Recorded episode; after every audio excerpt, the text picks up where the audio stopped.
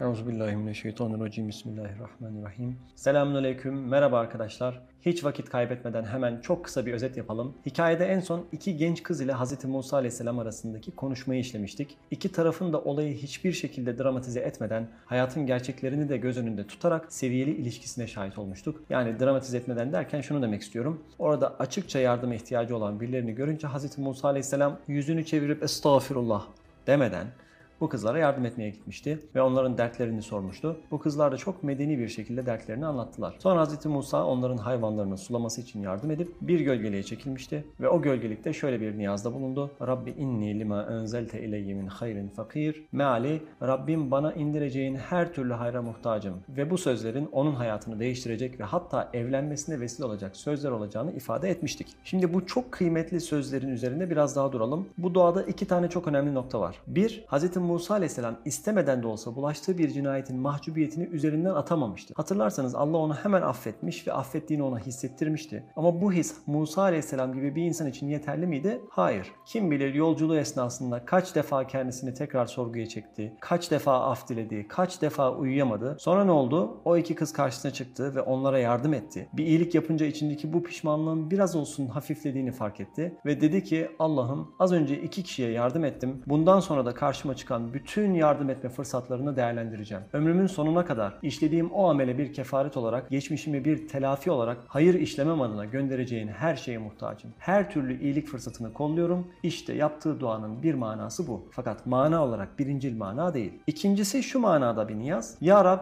o kadar çaresizim ki, o kadar pişmanlık içinde vatanımdan kaçtım ki, evsizim, yiyecek bir şeyim yok, bu memlekette yapayalnızım, bu perişaniyetim, yorgunluğum, hayal kırıklığım içinde bana göndereceğin en ufak bir şey, bir işaret, bir jest, bir yardım eline o kadar çok muhtacım ki. Bu da ikinci nokta. Yani hayat devam ediyor. O pişmanlık içinde olsa bile bu duayı ettikten sonra önüne çıkan her türlü fırsatı değerlendireceğini ve bir şekilde tekrar düzlüğe çıkmaya gayret edeceğini söylüyor. Hikayeye dönelim. Bir sonraki ayet bu kızlardan birinin Hz. Musa'ya geri gönderildiğini anlatarak başlıyor. Fakat o ayete hemen geçmek istemiyorum. Şöyle bir zihnimizde canlandıralım neler olmuş olabilir diye. İki kız evlerine dönerler. Evde döndükleri zaman babalarını karşılarında görürler.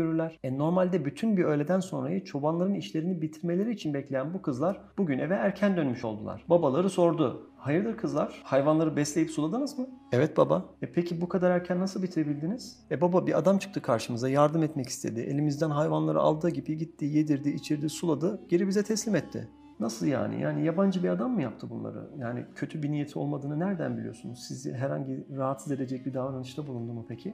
Yo yo yo adam gayet centilmence davrandı baba. Yani muhtemelen biz hayvanları tutmaya çalışırken gördü bizi. Problem olduğunu anladı. Geldi sordu o şekilde yardım etti. E karşılığında hiçbir şekilde bir ücret bir şey istemedi. E bizim buralardan biri mi acaba? Vallahi hiç zannetmiyorum baba. Üzerinde bir yolculuk emaresi vardı. Bir perişaniyet vardı. Bir yorgunluk vardı. Buralardan biri olduğunu düşünmüyorum. Hmm.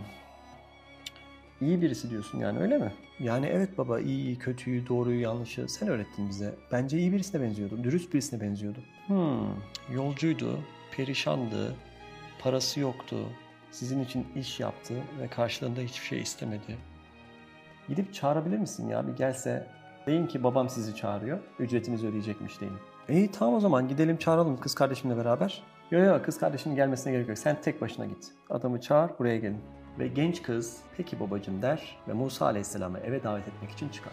Hikayenin başında harika bir anne kız ilişkisinin bir örneğini görmüştük. Burada da örnek bir baba kız ilişkisine şahit oluyoruz. Hikayenin başında bir annenin kızına güvenerek onu tek başına önemli bir göreve göndermesine şahit olmuştuk. Şimdi de bir babanın tek başına kızını göndermesine şahit oluyoruz. Yani bu hikayede anne babaların çocuklarına olan güven konusu da işleniyor. Mesela ne anlıyoruz buradan? Bir babanın güzel bir şekilde yetiştirdiği kızının sözüne verdiği değeri anlıyoruz. Özellikle erkekler hakkındaki sözüne verdiği değeri. Yani babasına falanca iyi birisi dediği zaman babasının ona inanmasına şahit oluyoruz. Başka? Yine babasının kızının kendisini koruyabileceğine dair kızına olan güvenini görüyoruz. Tek başına gönderiyor. Bu şu demektir. Ben senin sözlerine inanıyorum. Aynı zamanda gelebilecek herhangi bir zarardan kendini koruyabilecek kadar da yetişkin olduğunu düşünüyorum. Önemli bir detay mı? Bence önemli bir detay. Belki çoğu ailenin böyle bir problemi yoktur ama işi cinayete kadar götürebilecek insanların olduğunu hemen her gün gazetelerde, televizyonlarda görüyoruz. O yüzden hikayenin bu bölümünü biraz da fazlaca uzatmak istedim. Şimdi geçebiliriz bir sonraki ayete.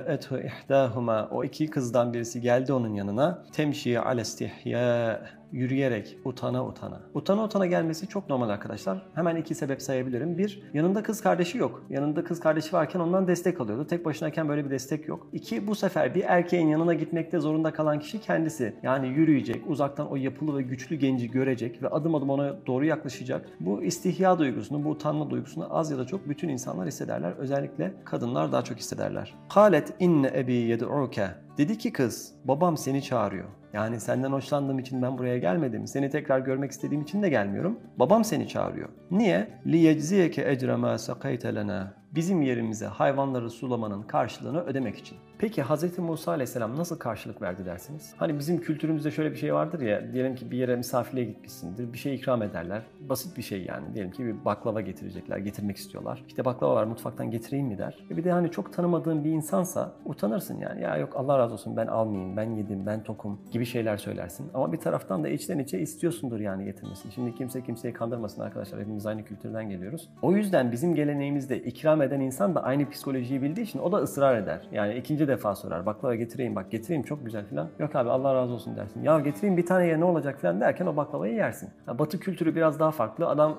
çok sormaz yani getirir önüne koyar. Zaten öyle abartılacak ölçüde bir ikram da yoktur. Ya öyle direkt önüne koyar yahut sorar yani sana istiyor musun diye. Sen de yok Allah razı olsun kardeş ben istemiyorum falan dersen yani aç kalabilirsin. Şimdi bu kız geliyor ve Musa Aleyhisselam'a şunu söylüyor. Yaptığın iyilik için babam sana ücret ödemek istiyor. Şimdi bizim kültürde yetişmiş bir erkek ne der buna? Ya yaptığım şeyde iki tane hayvanı suladım. Centilmenliğe yakışmaz yani bir de onun parasını almak. Ne alakası var? Ben Allah rızası için yaptım. Para da istemiyorum. Öyle bir beklentiye de girmedim. Ücreti ima edecek hiçbir şey yapmadım. Ya bunları diyebilirdi. Fakat bu soru sorulunca Hz. Musa Aleyhisselam belki de hafifçe gülümsedi kendi kendisine ve tamam dedi. Let's get paid. Hadi gidelim paramızı alalım der. Allahu alem bunun sebebi şu olabilir. Daha henüz dua etmişti. Demişti ki ya Rab senden gelecek her türlü hayra muhtacım. Yarım saat sonra bu kız geldi ve babasının ona ücret ödemek için onu çağırdığını söyledi. Yani aradaki bağlantıyı anladı. Az önce dua ettim. Şimdi de Allah bana bu aileyi gönderdi. Bu fırsatı değerlendirmeliyim. Müstani davranmamalıyım. Yoksa yaptığım dua ile çelişirim dedi ve Musa aleyhisselam önde, kız arkada eve gittiler. فَلَمَّا جَاءَهُ وَقَصَّ عَلَيْهِ الْقَصَص Hz. Musa aleyhisselam eve varıp da olan biteni tek tek hikaye ettiğinde ki böyle evsiz, aşsız kalmış akıllı bir genci en çok rahatlatan şeylerden birisi de kendisinden daha tecrübeli, kendisinden daha yaşlı ve bilgin insanlarla konuşmaktır. Karşısındaki de öyle bir zat anlatıyor, her şeyi söylüyor. Sonra o bilgi insan şunu söylüyor.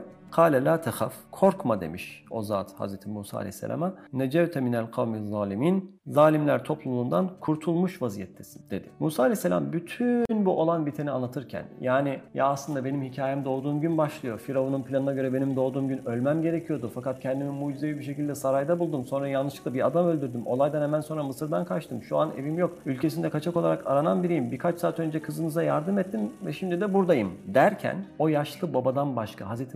Musa'nın hikayesini kimler dinliyor? Mutfakta kulak kabartmış iki kız dinliyor. Dinliyorlar, dinledikçe şaşırıyorlar, elleriyle ağızlarını kapatıyorlar, birbirlerine bakıyorlar. Derken bu kızlardan büyük olanı kapı aralığından kendisini babasına göstererek babacığım bir saniye gelebilir misin? dedi.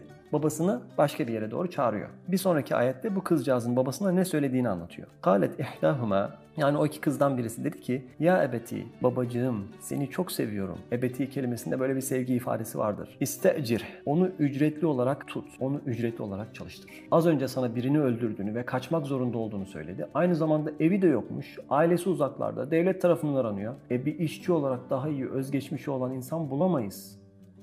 Tabii ki bunları demiyor arkadaşlar ama kendi sebeplerini de sayıyor. Diyor ki inne hayre men istecertel kaviyyul emin. Yani senin yanında ücretli olarak çalıştırabileceğin en hayırlı kişi ancak böyle güçlü ve güvenilir biri olabilir. Yani iki şey sayıyor arkadaşlar. Güçlü olması ve güvenilir olması. Her iş için fiziksel olarak güçlü olmaya gerek yok ama çobanlık yapan birinin güçlü olması gerekir. Yani o işin qualification'ı, vasfı o insanın güçlü olmasıdır. Bir de güvenilir olmak zikrediliyor ki bu da bütün işler için gerekli olan bir şey. Yani biz gördük hayvanları nasıl zapt ettiğini. Güçlü biri. Aynı zamanda bu anlattığı şeyleri anlatmayabilirdi de. Başından geçmiş en utanç verici olayları bile teker teker anlattı. Sözüne güvenilir, dürüst birisine benziyor babacığım. Onu ücretli olarak çalıştır lütfen. E tabi baba kız ilişkisi dedik ya çok iyi tanıyor kızını. Hmm.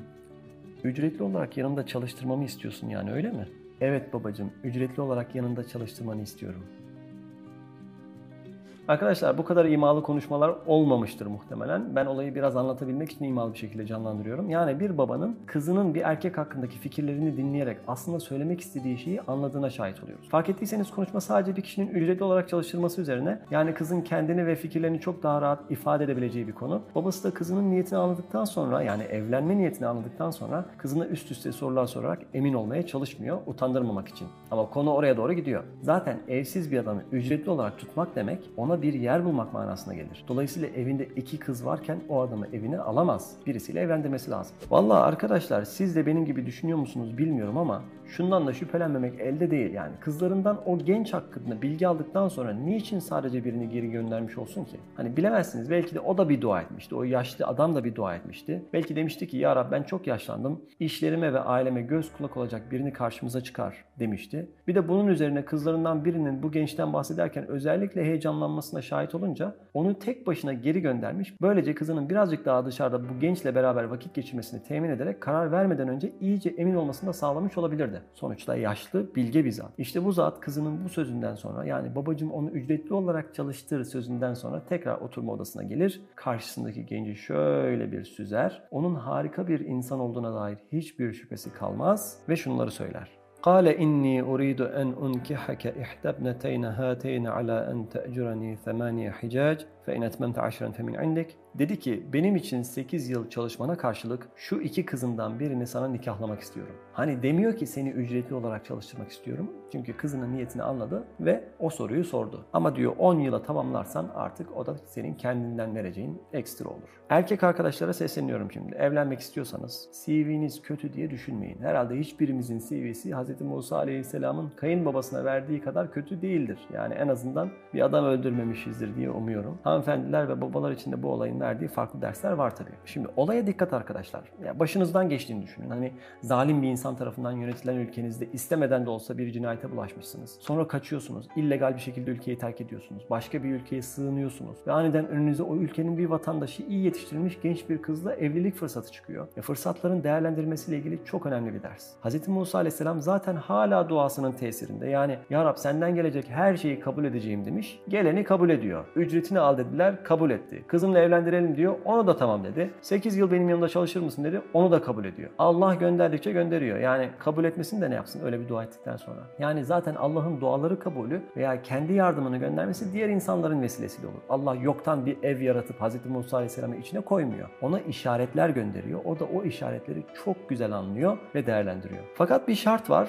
Yaşlı ve bilge zat 8 yıl boyunca onun için çalışmasını istiyor. Ama önce çalış, sonra evlen değil. Seni şimdi evlendireceğim. Sana güveniyorum. Seni evime alıyorum. Ayette 8 yıl olarak geçiyor. Ama istersen bunu ona tamamlayabilirsin diyor. Fakat bir zorlama yapmıyor. Hikayenin bu kısmından anladığımız bazı şeyleri özetleyecek olursak. 1. Bir insanın illegal bir göçmen olması onunla evlenilemeyeceği manasına gelmez. 2. İyi bir eğitim verdikten sonra babalar genç kızlarını artık çocuk olarak görmemeliler ve onlara güvenmeliler. 3. Evlilik çağına gelmiş bir kız tanıştığı bir erkekle ilgili düşüncelerini babalarına söyleyebilmeliler. Bakın anneleri demiyorum, babalarına söyleyebilmeliler. 4. Bir karar almadan önce erkeği ailenin daha çok tanımasındansa kızın daha çok tanıması elzemdir. Kızın Hz. Musa Aleyhisselam'la dışarıda geçirdiği vakti de katarsak onu babasından daha iyi tanıyordu. 5. Teklifi kim yaptı arkadaşlar? Kız yaptı. Kız evlenmek istediğini ima etti. Yani teklifin illa bir erkek tarafından gelmesi gerekiyor muymuş? Gerekmiyormuş. 6. Hangi iki insan arasındaki muhatabiyet önemli gösteriliyor? Damat ve kayınpeder arasındaki muhabbet. Ara bulucu kızın babası. Yani iş belli bir seviyeye geldikten sonra baba damatla ciddi bir şekilde konuşuyor. Ya diğer taraftan düşünelim. Genelde kızlar anneleriyle bu işleri konuşur ve babalar bir şekilde son dakikaya kadar uzakta kalır. Çoğu şeyden de habersiz kalırlar. Fakat burada erkeğin kızın babasıyla tanışması ve konuşmasının aralarında birbirlerine bazı sözler vermelerinin öneminden bahsediyor. 7. Bu çalıştırma mevzusu mehir değil. Ama öyle olarak da düşünebilirsiniz. Sonuçta kızın bir isteği yerine getiriliyor. Yani bu mehir tarzındaki şeyler son güne kadar bırakılıp bir tatsızlığa sebep olmasındansa en baştan konuşulan bir mevzu. 8. Bu da bütün iç güveysilere ve onlara takılanlara gelsin. Bir insanın kayınpeder evinde kalması, sadece kalması değil, kayınpederi için çalışması Kur'an-ı Kerim'in delili Hz. Musa Aleyhisselam'ın en az 8 yıl yaptığı, devam ettirdiği bir sünnetidir. Bitiriyorum arkadaşlar az kaldı. Ve ma uridu en eşukka aleyk seteciduni inşaallahu mines salihin. Ben seni zahmete sokmak istemem. İnşallah benim dürüst bir insan olduğumu göreceksin diyor babası. Baba sözünü verdi. Damat da sözünü veriyor bir sonraki ayette. Kale zalike beyni ve beynek. Bu iş seninle benim aramda bir iş. Eyyamel eceleyni kadaytu fela udvan aleyh. Vallahu ala ma nekul vekil. Yani Hz. Musa dedi ki kabul ediyorum. Bu benimle senin aranda olan bir antlaşmadır. Bu durumda iki süreden hangisini yerine getirirsem artık bana karşı inşallah bir haksızlık söz konusu olmayacaktır. Allah söylediklerimize vekildir. İkisi de sözünü veriyor ve bu nikah kıyılıyor. Ve Hz. Musa Aleyhisselam'ın en az 8 yıllık macerası o evde başlıyor. Bir ay içerisinde hayatı değişti. Gelen fırsatları hızlı bir şekilde değerlendirdi ve yeni bir hayata başladı. Söz verdiği süreyi tamamlayınca da o evi terk etti. Eşiyle yollara koyuldu. Bizim de Kasas suresiyle olan serüvenimiz burada sona erdi arkadaşlar. Ama hiç merak etmeyin. Tam kaldığımız yerden Taha suresiyle devam edeceğiz. İnşallah bir sonraki videoda görüşmek üzere. Allah'a emanet olun. Esselamu Aleyküm ve Rahmetullahi ve Berekatuhu.